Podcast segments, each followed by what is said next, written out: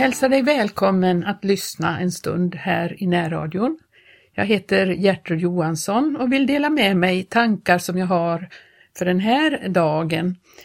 Eh, vi har eh, talat mycket om det som har skett i gångna tider, hur det såg ut i församlingen eh, från början och begynnelsen och vi har också sett att det kanske inte riktigt ser ut på samma sätt idag. Vi lever i en sen tid och vi ser också att det är en mörk tid. Det finns mycket problem bland människorna och i världen och också ibland de kristna. Stora problem som gör att det inte är lätt att orientera sig den här tiden. Det kan ju vara så att allt det här kan göra att man känner sig att det är hopplöst och att eh, man tappar modet och eh, behöver tröst och uppmuntran. Och idag så vill jag läsa någonting för att ge dig en uppmuntran på vandringen. Vi kan läsa till exempel i Filipperbrevet 4 och från fjärde versen så skriver Paulus så här. Glädjen eder i Herren alltid. Åter vill jag säga glädjen eder. Låt ett saktmod bli kunnigt för alla människor. Herren är nära. Gör er inte ett bekymmer, utan låt i allting era önskningar bli kunniga inför Gud genom åkallan och bön med tacksägelse.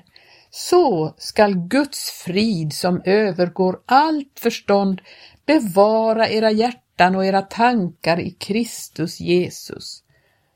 För övrigt, mina bröder, vad sant är, vad värdigt, vad rätt vad rent är, vad som är älskligt och värt att akta, ja, allt vad dygd heter och allt som förtjänar att prisas. Tänk på allt sådant. Detta som ni har lärt och inhämtat och har hört av mig och sett hos mig, det ska ni göra och så skall fridens Gud vara med eder, skriver Paulus. Glädjen er i Herren allt alltid. Åter vill jag säga glädjen eder. I Andra Korinthierbrevets trettonde kapitel och elfte vers skriver han så här. För övrigt, mina bröder, var glada. Låt fullkomna er, låt förmana er, var ens till sinnes, håll frid, då ska kärlekens och fridens Gud vara med eder. Och så kan vi titta i första Thessalonikerbrevet eh, femte kapitel. Och eh, sextonde versen, där står det Var alltid glada. Hur kan Paulus säga så här till, till dem han skriver till? Var glada! Se till att ni är glada. Hur ska vi kunna se till att vi är glada? det är ju inte så lätt att vara glad och man kan ju frestas att ge upp på vandringen när man ser alla bekymmer, alla problem. Men han skriver, var glada, det finns en anledning att glädja sig. Och den glädjen, den har sin källa i Gud. Det finns alltid en eh, orsak till glädje och den glädjen är Jesus. Och glädjen, som vi sa, den har sin källa i Gud och det har också tron på, på Gud. Det har sin källa i honom. Det är inte vi som ska åstadkomma glädje. Jag hoppas att du också upplever en sån gemenskap med Gud, att du kan tala med honom, att du kan bedja till honom och så kan man sitta där och, i bön och så upplever man hur glädjen bara väller fram ur ens innersta Därför att man upplever att ja men Gud är Gud, han har allt i sin hand. Han har makt och han har möjlighet och han hör våra böner. Han vet om hur vi har det. Han, han har inga problem, han har planer bara. Han har ju gett oss möjlighet att vara glada. Vi kan läsa i Galaterbrevet. Där ser vi att eh, att detta med glädjen, det kommer inte från oss själva på det sättet, utan i Galaterbrevet 5 och eh, 22 versen så står det ju om Andens frukt. Andens frukt åter är kärlek, glädje, frid, tålamod, mildhet, godhet, trofasthet, saktmod, återhållsamhet. Mot sådant är icke lagen. Frukten av att anden får uppfylla våra hjärtan, det resulterar i en glädje och en, en, en, en kärlek. Kärleken nämns först och sen kommer glädjen.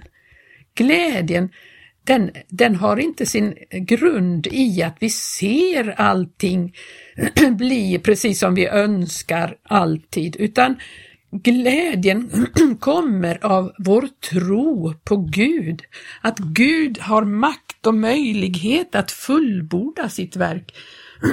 För i samma, detta Thessalonikerbrevets eh, femte kapitel som vi hade framme här, Eh, Eh, så står det ju så här också. Eh, I vers eh, 24 så står det Trofast är han som kallar er, han skall och utföra sitt verk. Han, han är trofast, han kommer att utföra sitt verk i dig och mig och i alla andra människor som vi beder för. Det står ju i 23 versen, men fridens Gud själv helge eder till hela er varelse så att hela er ande och er själ och er kropp finns bevarade ostraffliga vid vår Herres Jesu Kristi tillkommelse. Tänk att vi får vänta på Jesus och vi får ha förtröstan och tro på att han faktiskt utför sitt verk. Han kommer att göra det. Han kommer också att utföra sitt verk i dem som vi beder för. Han, han arbetar på deras frälsning medan vi beder, för att han hör våra böner, han gör allt för att de ska bli frälsta, att de ska ta emot och komma rätt. Vi kan bedja för människor, vi kan ha anhöriga, vi kan ha eh, trossyskon som har kommit fel, vi kan ha mycket som bekymrar oss och som, men det står ju så här, vi ska inte göra oss bekymmer utan låta i allting eh, göra våra önskningar kunniga inför Gud. Det står det ju i Filipperbrevet. Där det står det här med glädje neder i Herren alltid. Så, så vi ska inte låta oss bli bekymrade utan vi ska låta dessa önskningar bli kunniga inför Gud. Vi ska tala om dem för Gud, vi ska tala med honom om de bekymren. Då upplever vi att vi kan lämna dem där i hans händer och så får vi en glädje att Gud verkar. Han är mäktig att verka, han kan, han förmår att göra ett under i människors liv. Vi kan se hur, eh, hur Paulus hade det om vi läser i Andra Timotebrevet så läser vi om hur, hur han hade det. Eh, I fjärde kapitlet så skriver han så här. Själv, i sjätte, kapit sjätte versen där i fjärde kapitlet, själv är jag nu på väg att offras och tiden är inne då jag ska bryta upp.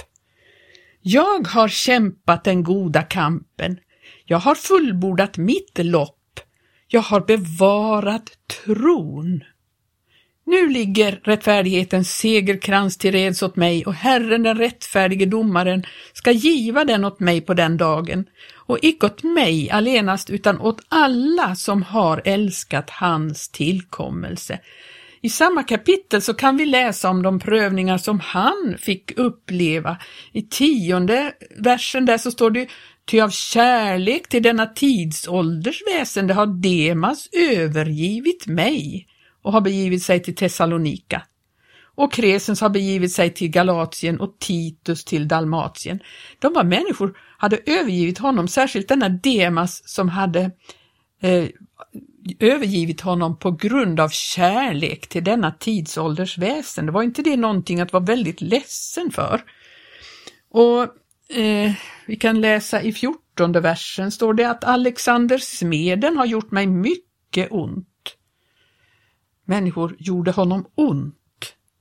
Och i sextonde versen så står det vid mitt första försvar inför rätta kom ingen mig till hjälp utan alla övergav mig. Må det inte bli dem tillräknat. Tänk att människorna svek honom. De gjorde honom ont. De övergav honom. Hade inte han anledning att vara väldigt, väldigt ledsen?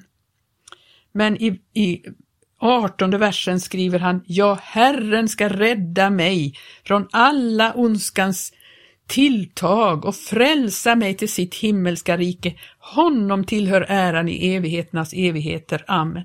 Han lät sig inte rubbas, han lät sig inte komma ur balans på grund av alla dessa prövningar som gjorde honom så illa.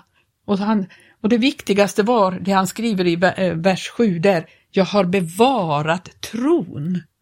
Har du bevarat tron? Har du fortsatt att tro på Gud trots alla prövningar som övergår oss? Alla prövningar, alla besvikelser, alla svek som människor gör mot oss.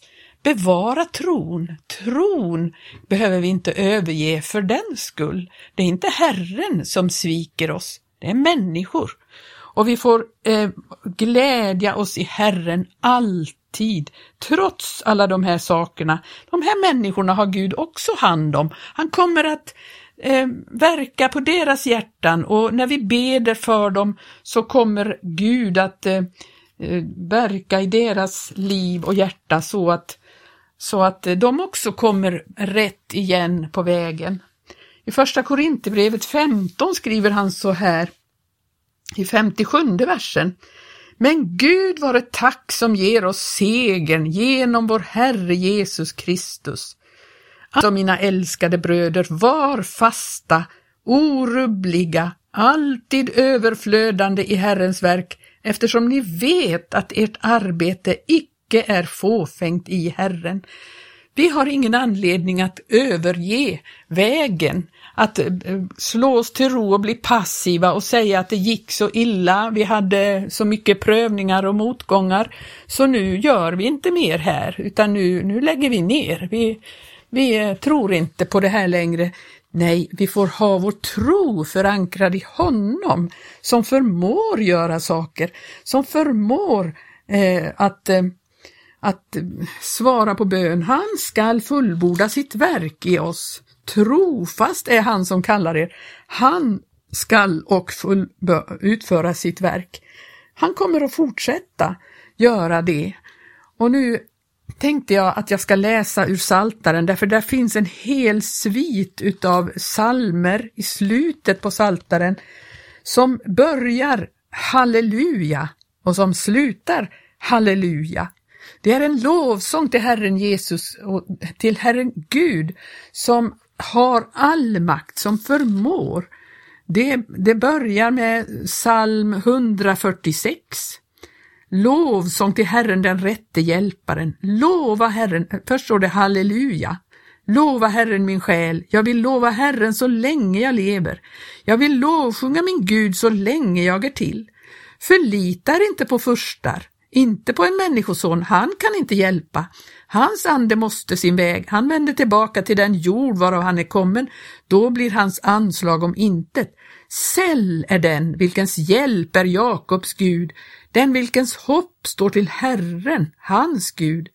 Till honom som har gjort himmelen och jorden och havet och allt vad i dem är, till honom som håller tro evinnerligen, som skaffar rätt åt de förtryckta, som ger bröd åt de hungrande, Herren löser de fångna, Herren öppnar de blindas ögon, Herren upprättar de nerböjda, Herren älskar de rättfärdiga, Herren bevarar främlingar, faderlösa och änkor uppehåller han, men de ogudaktigas väg vänder han i villa. Herren är konung evinnerligen, din Gud, Sion, från släkte till släkte. Halleluja! Det var psalm 146.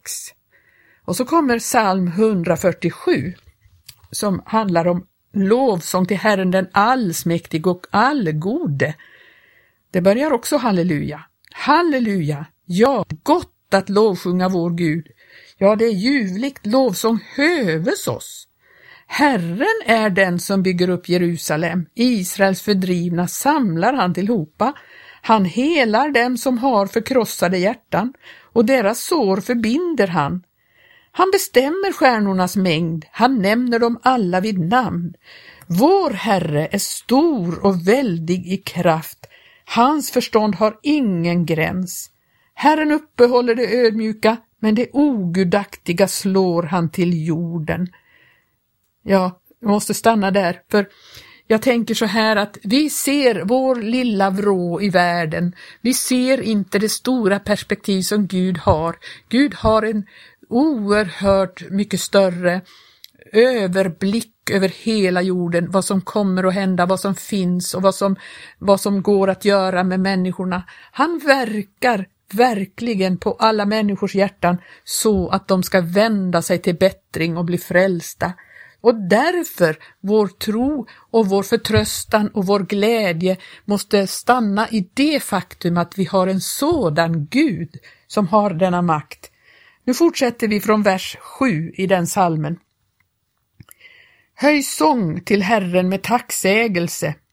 Lovsjung vår Gud till harpa, honom som betäcker himmelen med moln, honom som bereder regn åt jorden, honom som låter gräs skjuta upp på bergen, honom som giver föda åt djuren, åt korpens ungar som ropar. Han har icke sin lust i hästens styrka, hans behag står ej till mannens snabbhet. Herrens behag står till dem som fruktar honom, till dem som hoppas på hans nåd. Jerusalem, prisa Herren, Sion, lova din Gud, ty han har gjort bommarna för dina portar fasta, han har välsignat dina barn i dig, han skaffar dina gränser frid, han mättar dig med bästa vete. Han låter sitt tal gå ut till jorden, hans ord löper åstad med hast. Han låter snö falla såsom ull, rimfrost strör han ut såsom aska. Han kastar sitt hagel såsom smulor, vem kan bestå för hans frost? Åter sänder han sitt ord, då smälter det frusna. Sin vind låter han blåsa, då strömmar vatten. Han har förkunnat för Jakob sitt ord, för Israel sina stadgar och rätter. Så har han icke gjort för något hedna folk och hans rätter den känna det icke. Halleluja! Här läste vi om hur han låter frosten komma. Det är hans ord som sänder denna frost och sen så sänder han åter sitt ord och då smälter det frusna. Det, det måste komma tider över, över skapelsen, också på det andliga planet så måste det komma olika tider därför att eh, vi ser i, den, i, den, i naturen så ser vi så här att det finns växter, blommor och sånt som behöver frost först för att de ska kunna blomma, för att de ska kunna slå ut i full blom och bli det de har tänkt. De behöver ha en frostperiod först. Och är det så att vi får gå igenom olika tider i vårt liv så kan det hända att det beror på att Gud vill frambringa någonting ännu finare, någonting ännu bättre bättre i våra liv än vad vi hade förut, än vad det kunde se ut som. Och därför så ska vi inte frukta och inte vara rädda när det kommer tider som för oss verkar så svåra och så hårda och så eh, fruktlösa. Nej, vi ska fortsätta att förtrösta på honom, han som är allsmäktig och allgod. Vi fortsätter med psalm 148.